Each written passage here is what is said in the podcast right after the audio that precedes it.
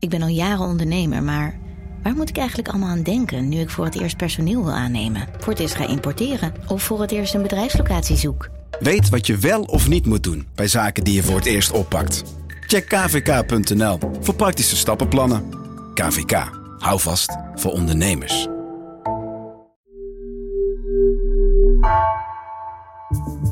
Vanaf de redactie van NRC het verhaal van vandaag. Mijn naam is Egbert Kalsen.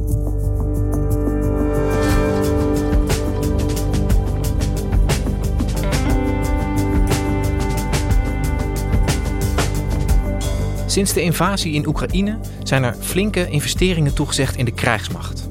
Dat geld is hard nodig bij Defensie, want het hangt door jarenlange structurele bezuinigingen met plakband aan elkaar, weet Defensieredacteur Karel Berghout. Maar waar moet dat geld aan besteed worden? En moet de tank, toch het symbool van oorlog, niet terugkomen in Nederland?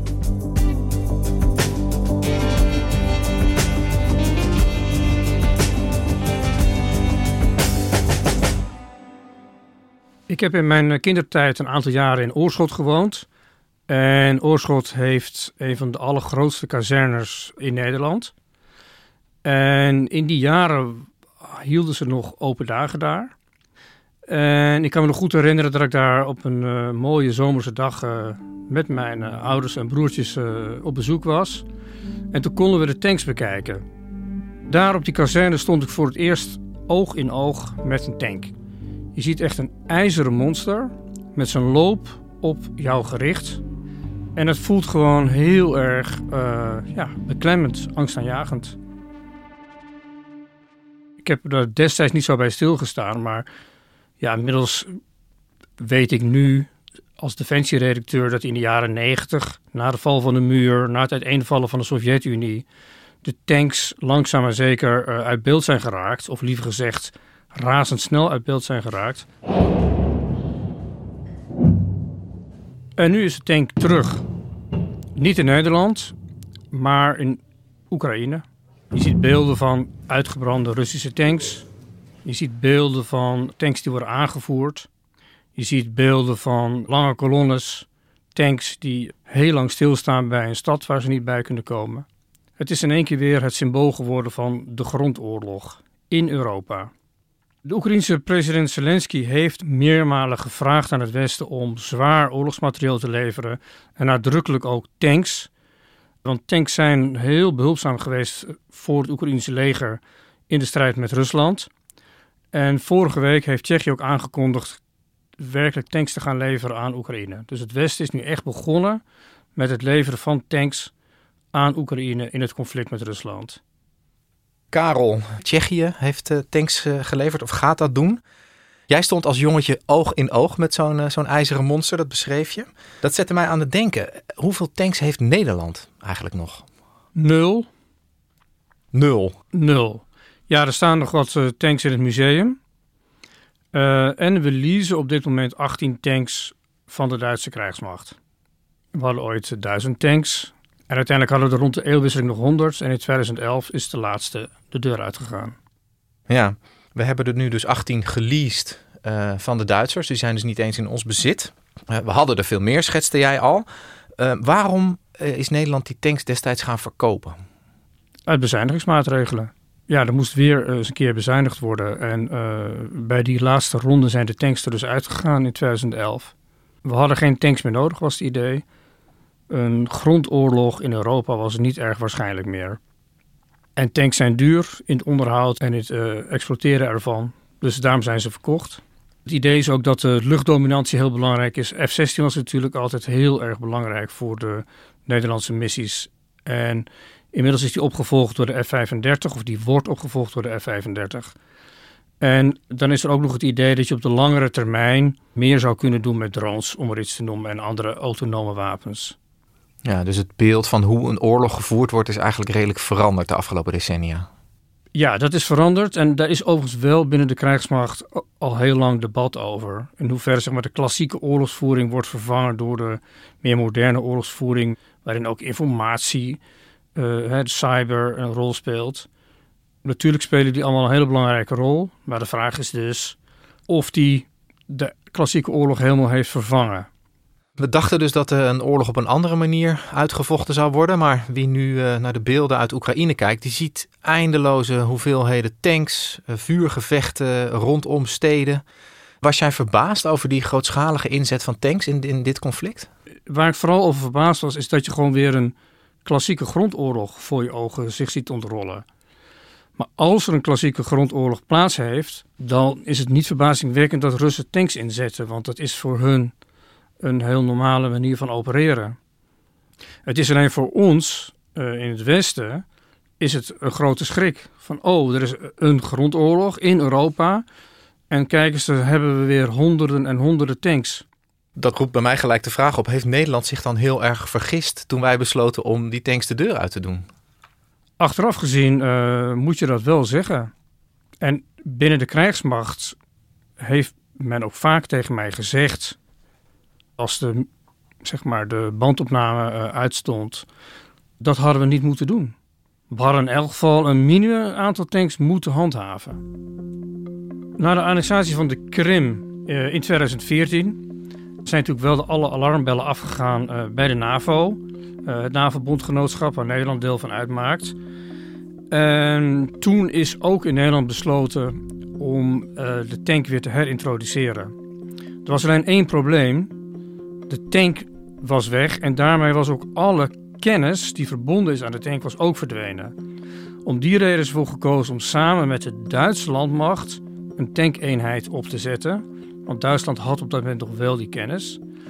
En sinds die tijd is Nederland uh, samen met de Duitsers die tanks gaan uh, opereren. Wat we inmiddels hebben gezien is dat die oorlog in Oekraïne uh, het denken over defensiebudgetten heel erg heeft veranderd. Er wordt ineens weer veel meer geïnvesteerd, toch?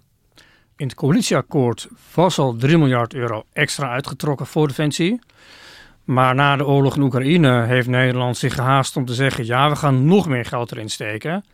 En we gaan eindelijk eens voldoen aan de NAVO-norm. En de NAVO-norm wil zeggen dat elk land ongeveer 2% van het nationaal inkomen moet uitgeven aan defensie. En dat zou betekenen dat Nederland er nog eens minimaal 2 miljard bij doet, bovenop die 3 miljard waartoe al besloten was. En dan komen we rond de 18 miljard uit. Hoe gaat dat geld uitgegeven worden? Worden daar allemaal tanks van gekocht? Nou, dat is niet het eerste wat gaat gebeuren. Het eerste wat moet gebeuren is achterstallig onderhoud. Want de verkoop van de tank is wel echt een symbool van de bezuiniging op de krijgsmacht. Maar dat betekent ook dat er daaronder ongelooflijk veel andere dingen waar ook op bezuinigd is. Heel defensie breed staat het heel slecht voor. Materieel is in heel slechte staat. Heel veel apparatuur is verouderd. Kazernes lekken. Uh, schepen liggen aan de kant. F-16's blijven aan de grond. Dus er zal eerst moeten worden gewerkt aan wat dan heet gereedstelling. En gereedstelling wil zeggen dat je de mensen hebt. Die zijn er nu niet, want we hebben ongeveer 20% onvervulde vacatures. En het tweede is dat die mensen goede spullen hebben. Daarna ga je nadenken over nieuwe investeringen. En dan is het wel zo dat de landmacht voorrang zou moeten krijgen. En dat is, uh, de NAVO heeft vastgesteld dat daar de grootste gaten uh, zitten bij Nederland. En ook de Adviesraad voor Internationale Vraagstukken. Die heeft onlangs geadviseerd over de besteding van de extra middelen. En die heeft ook gezegd: geef voorrang aan de landmacht. Moeten we dan allemaal tanks gaan kopen? Dan is het antwoord enerzijds ja, maar dat wil niet zeggen dat het de tank is uit mijn jeugd. De klassieke tank die toen is ontwikkeld en de, eigenlijk de klassieke tank die je nu in de Oekraïne ziet. Er zijn ook militaire eh, experts die zeggen: Nou, je moet wel dit type wapen hebben, dit wapensysteem hebben, dus die mobiliteit gecombineerd met die vuurkracht. Maar het zou misschien iets anders kunnen zijn. Het zou wellicht een wat lichter voertuig op de grond kunnen zijn in combinatie met drones in de lucht. Uh, want daar zijn ook wel voorbeelden van te zien dat die effectief kunnen zijn. Dus het hoeft niet per se die klassieke tank te zijn. Maar wel iets wat kan wat een klassieke tank kan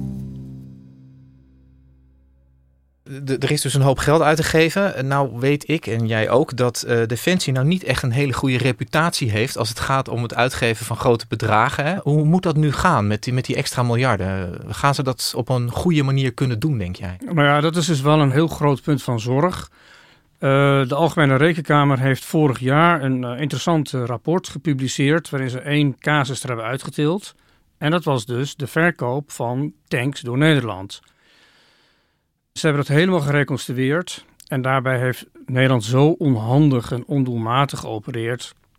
Dus dat we eerst de tanks gaan verkopen, toen moesten we ze toch weer terugkopen en uiteindelijk weer doorschuiven aan Duitsland. Dus daar heeft Nederland weer heel veel geld op toegelegd. En dat was naar verhouding in geld gesproken een kleine operatie, waar het ging om enkele tientallen miljoenen euro's. Dit gaat om enkele miljarden euro's.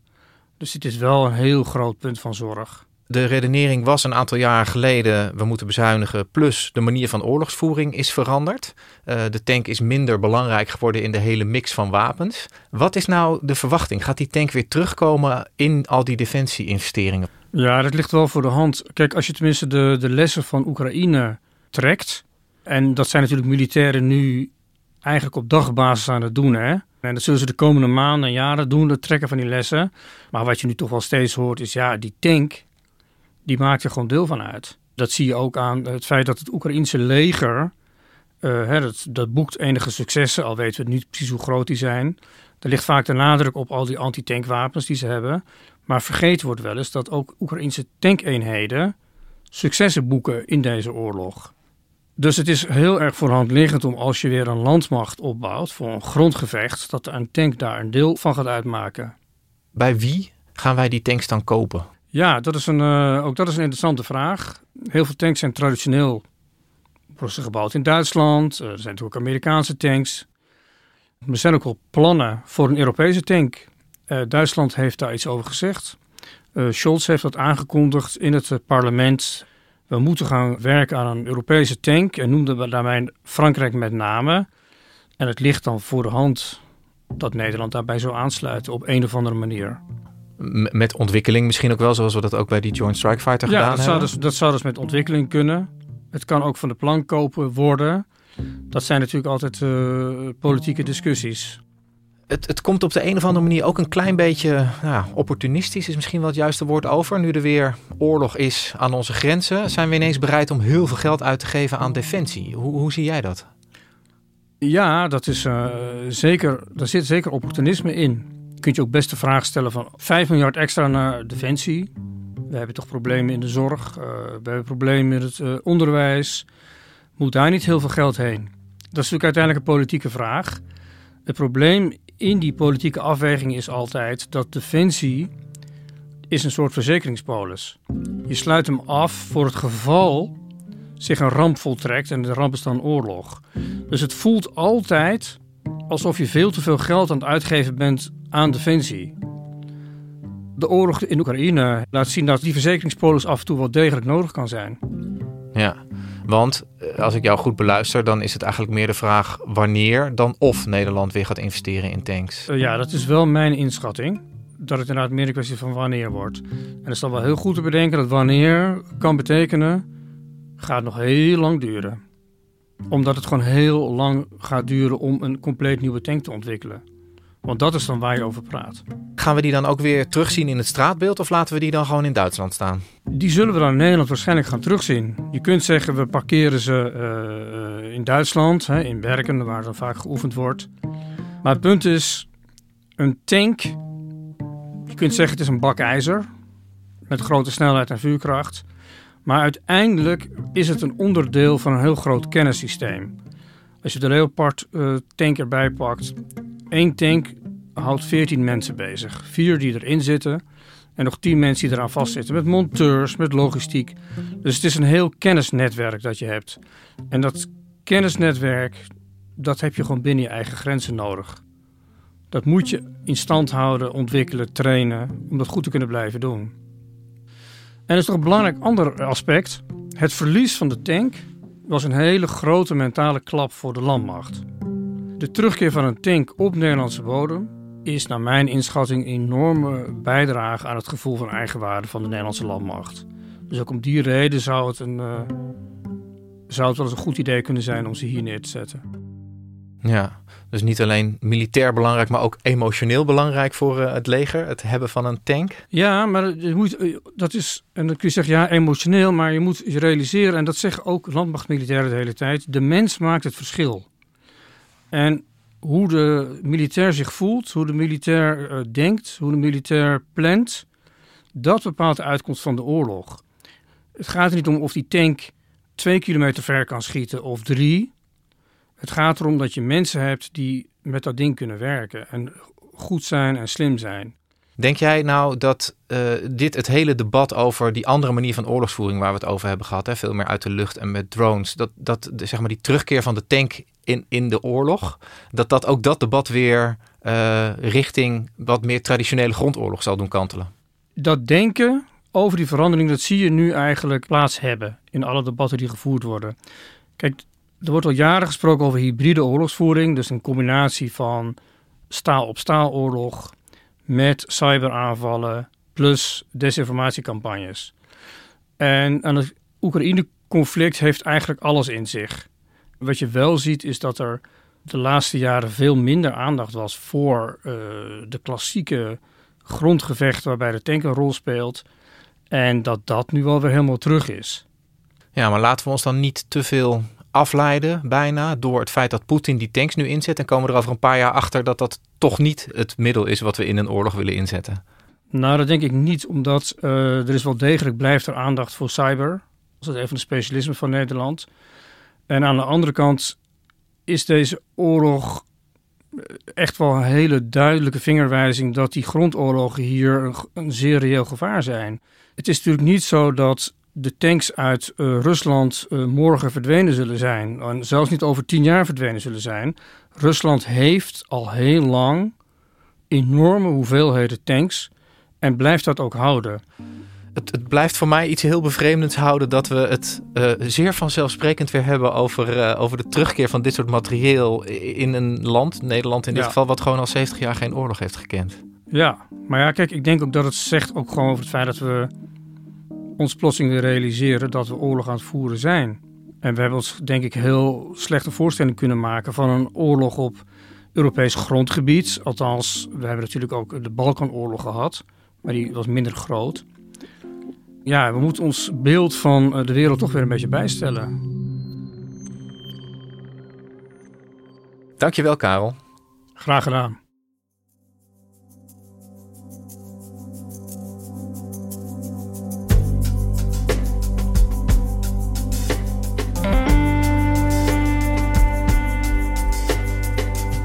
Je luisterde naar vandaag, een podcast van NRC. Eén verhaal, elke dag. Deze aflevering werd gemaakt door Lis Doutsenberg en Marco Raaphorst. Dit was vandaag, morgen weer.